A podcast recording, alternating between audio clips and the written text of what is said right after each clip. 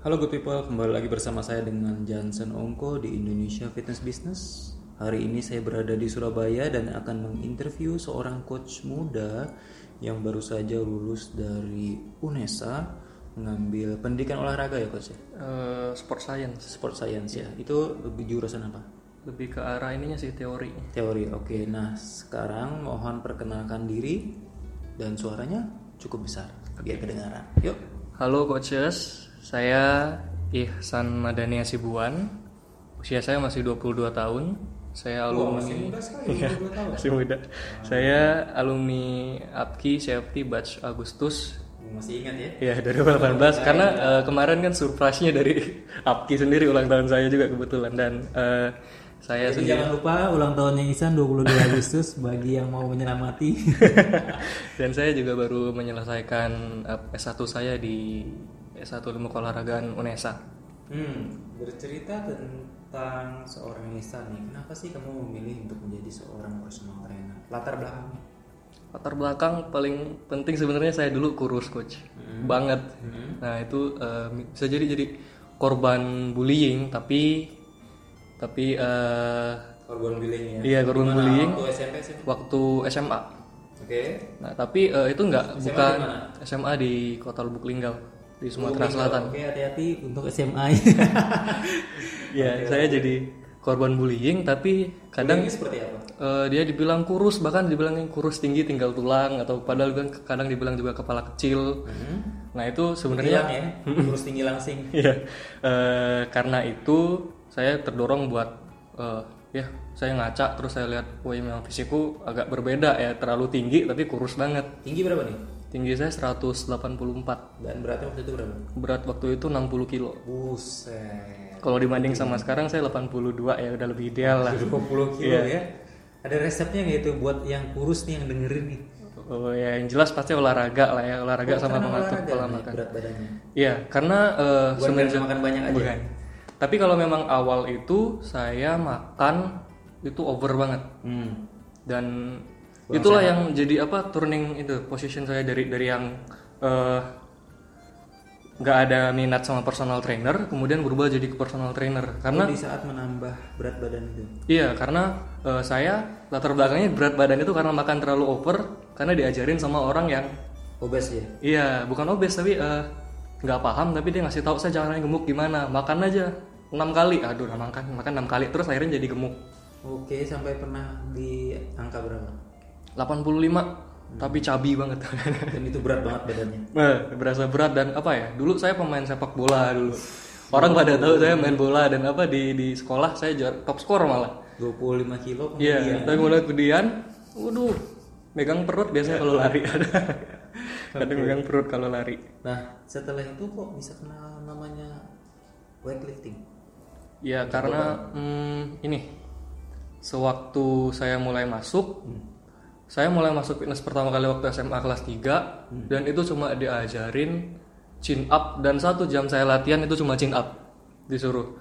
Ini benerkah kau- aku olahraganya cuma chin up? Akhirnya saya explore, mulai apa follow-follow ya fitness influencer siapapun itu. Kemudian itulah yang membuat ketertarikanku kepada apa fitness dan akhirnya Menjadi profesi. Iya, jadi profesi. Nah, di saat zaman jahiliyah itu dark age itu Iya. apa yang kamu pelajari kekeliruan kekeliruan apa yang aduh kok begini sih gitu Iya. ada nggak Banyak sih eh, dari mulai gerakan-gerakan yang apa ya? Dia bilang squat, tapi, tapi tujuannya buat yang lain ya. kayak melenceng dari kalau misalnya saya sudah paham saat ini, saya merasa malu banget buat dulu. Contoh kayak apa ya? eh, cara chin up supaya kita bisa chin up nih. Oke. Dulu pernah diajarin cara buat chin up, kaki saya ditaruh di atas. Jadi kayak pull up, kaki kan ada tiang dua itu kan. Oke. Nah, saya me- kakinya harus ngangkang pegang kaki, pegang apa tiang itu kakinya harus. Nah, harus sit up kayak gitu supaya kuat. oh Nah, baiklah setelah setelah paham itu, setelah paham sekarang, aduh, kalau saya nggak sharing ke orang, aduh banyak ya. bakal banyak, banget yang ini, yang apa ya? Oh, berarti di daerah-daerah masih banyak seperti itu Apalagi di kota saya masih masih minim sekali. oke artinya kota-kota kecil tuh informasinya walaupun internet sudah di mana-mana saat itu tetap aja banyak yang keliru ya Banyak banget, banyak banget. Hmm, jadi kamu terpanggil untuk membenarkan itu Iya. Nah, berbicara eh, perjalanan kamu, kenapa memilih Fakultas Ilmu Keolahragaan? Sebenarnya pilihan utama saya sih di ini ya di kampus di Jakarta sebenarnya. Tapi karena saya ngulik-ngulik universitas mana yang punya ini eh, keilmuan yang jauh lebih bagus buat olahraganya. Dan ternyata ada tiga yang bagus itu. Sebenarnya ada lima sih. Tiga itu di Jakarta, Bandung, dan Surabaya. Ada Jogja sama Itu lebih dari tiga. Semarang ya lima ya lima. ada lima ya benar ada lima. Nah salah satu yang terbaik itu adalah Unesa Surabaya. Hmm, setuju. Ya, sewaktu saya masuk sana ya sesuai ekspektasi bagus. Hmm. Tapi eh, untuk teori bagus tapi praktek saya rasa masih kurang sih. Masih kurang. Iya buat aplikasi ke Ini ada Iya, pernyataan langsung nih iya. dari ya alumni. saya sendiri ya mengakui bahwa banyak teman-teman saya yang bahkan ya soal repetisi atau apapun itu masih belum paham. Atau mungkin memang diarahkan ke prestasi, bukan untuk ke fitness nih. Nah kesalahannya sih saya mungkin di situ rata-rata orang eh, dosen-dosen mengira bahwa kan kita kan jurusannya sport science coach Oke. namanya juga udah sport science ilmuwan olahraga kan hitungannya tapi rata-rata mereka disuruh untuk jadi atlet Ah, Oke. padahal eh, banyak banyak banget apa Padahal ya. eh, jalur-jalur iya padahal Ilmuwan banyak banget malah jadi atlet. iya banyak banget Sekalian itu mungkin. saya malah dulu pernah coba tiga ini tiga UKM saya coba gulat handball dan atletik tiga-tiganya nggak masuk di saya karena memang passionnya sudah masuk di Oke, dunia waktu kamu transisi nih, waktu transisi dari keolahragaan ke kebugaran yaitu Iya. fitness industry, apa gap terbesar yang kamu rasakan? Jaraknya. Eh, Tiba sampai masuk industri ini saya nggak tahu apa-apa gitu. Padahal Iya. saya sport science. eh, apa ya apa yang diajarkan oleh dosen-dosen saya memang banyak yang bermanfaat tapi untuk kaitannya dengan kebugaran terlebih ke arah fitness itu masih kurang sekali saya merasa memang masih kurang sekali Karena memang mungkin memang tidak ditujukan ke sana. Iya, karena bisa bisa jadi seperti itu. Tapi saya merasa kayak sport science itu seharusnya lebih ke arah seperti itu. Sangat, Memba- maksudnya sangat iya, disayangkan sangat kalau disayangkan tidak kalau iya. enggak, melibatkan atau tidak membahas tentang industri kebugaran itu Iya betul betul. Oke, nah setelah kamu ikut di APKI Certified Fitness Trainer itu apa yang kamu rasakan perbedaan terbesarnya? Jelas beda sekali karena dulu saya ditawarin kan, bukan ditawarin, saya bertanya sama dulu coach Lutfi atau saya bilang dosen saya Pak Lutfi. Oke. Kan saya dikenalin kenalin soal APKI sama dia. Hmm. Bagaimana jadi professional fitness trainer Hmm. dari coach Lutfi bilang kamu coba deh ke Apki. Wah, Nah, mulai dari itu saya ya mulai dari situ saya kulik-kulik lah di Instagram. Wah, Apki ini gini ya. Jadi mungkin saya jadi pengikut sudah lima tahun follower. Baiklah, Tapi saya eh, Oh, akhirnya iya. memutuskan baru ya memutuskan untuk ikut. setelah lima tahun itu. Iya. Dan semua pertanyaan yang ada di otak saya itu terjawab. Nah pertanyaan saya selama lima tahun itu apa yang kamu lihat dari APKI? perkembangannya bagus sekali dan dan tidak ada perubahan soal visi dan misi. Saya rasa mereka eh, APKI sendiri coach aware banget sama coaches-coachesnya dan selain lembaga APKI saya rasa masih belum ada. Kalau boleh jujur sih memang itu juga yang saya rasakan karena kita di saat berdiri pun tujuannya kan adalah mensejahterakan personal Iya. trainer baik itu melalui keilmuan baik itu baik reputasinya bahkan kesempatan kerja ya seperti yang kita lihat di Surabaya saat ini nah sebagai seorang personal trainer selalu pastinya apalagi yang masih usia 22 tahun kan ada lost bukan lost and found sih bukan tersesat lah Iya. apa sih sebenarnya yang terjadi di seorang insan dalam beberapa waktu ini Saya jadi eh, personal trainer profes- profesional personal trainer. Eh, semenjak masuk dari APKI saya masih merasa oke saya dapat ilmu tapi saya belum bisa mengembangkan potensi diri saya sendiri. Mm-mm. Nah untuk itu saya sebenarnya perlu mentor dan dan semenjak Fitness Embassy ada di Surabaya, saya mendapatkan mentor yang benar-benar bisa membantu saya untuk growing. Aduh, saya merasa terpuji nih. Kayaknya mengarah ke saya. Betul, betul. Baik, baik, baik, baik. Ya akhirnya saya eh, semakin terpacu untuk meningkatkan personal branding sendiri. Ya. Tapi waktu kamu lulus dari CFT itu sendiri, apakah tidak ada terpikir mau kemana atau ngapain gitu sebelumnya? ya cuma satu tujuan saya pengen jadi CFT yang dikenal orang. CFT ya, certifikat personal trainer yang dikenal orang. Certified fitness trainer. Iya, yang dikenal orang. Tapi ya untuk ke situ itu saya masih bingung. Selama satu tahun ini saya bisa bilang saya masih bingung. Jadi eh, hard skill sudah punya, soft skill yang Iya, punya saat itu ya. Betul. Nah, apa kendala terbesar?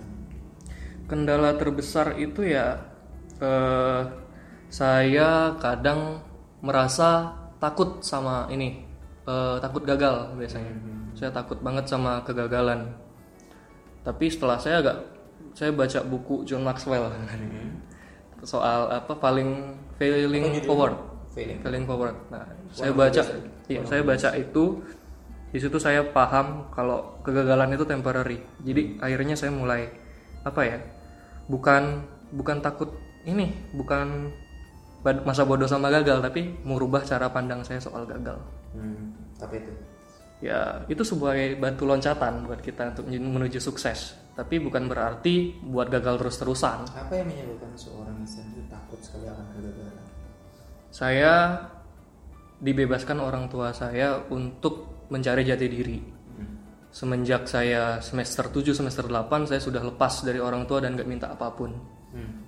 Nah, orang tua mengharapkan sesuatu yang besar buat saya. Dan saya merasa kalau misalnya saya bisa eh, jadi orang yang Meminta harapan itu contohnya seperti apa? harapan yang besar bahwa saya bisa menjadi orang yang bisa dibanggakan orang tua. Hmm, Banggakan dalam bentuk Ya bisa menjadi orang yang bermanfaat lah. hmm, bermanfaat apakah secara materi atau keilmuan? Eh, keilmuan lah lebih banyak bisa membantu orang lah. Yakin. Yakin.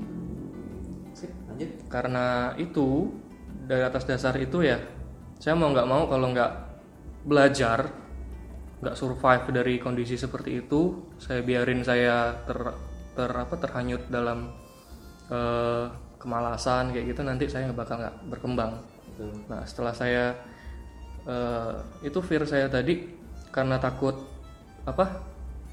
Takut Gagal. gagal. itu membuat apapun yang saya pengen saya berkarya, saya takut orang-orang Menjustifikasi. iya menjustifikasi. Saya takut sekali tapi ya orang belajar dari kesalahan sih. Banyak sekali orang sukses, contoh-contoh orang-orang sukses rata-rata semua gagal dulu. Harus. Nah itu yang jadi jadi patokan saya untuk oke lah saya harus berubah sekarang. Kalau boleh bercerita sedikit, gagal itu udah makanannya saya. Hmm, jadi kalau saya minta tolong ke tim mengadakan satu event atau apapun itu eh, aktivasi gagal ya udah. Yang penting sudah mencoba. Itu sih pelajaran yang bisa saya share. Nah berbicara tentang buku John Maxwell Failing Forward itu, kenapa tiba-tiba kamu pengen beli buku itu? Saya nggak nggak beli coach, tapi saya dikasih coach, dipinjemin sama coach Tato. Wow. Saya coba, Iksan kamu baca ini, oke, ini oke apa, oke coach. Saya coba baca, tapi ternyata memang rugi kalau nggak saya baca. Rugi banget kalau nggak saya baca. Jadi dari mulai itu pun saya sudah mulai mencoba untuk membiasakan baca karena manfaatnya banyak banget. Jadi yang dapat saya simpulkan adalah dengan membaca wawasan kita semakin terbuka ya. Betul. Nah selain buku Failing Forward, Yang barusan dikasih sama coach Jensen. apa itu? Eh, seni eh, bicara itu ada seninya itu baru saya baca.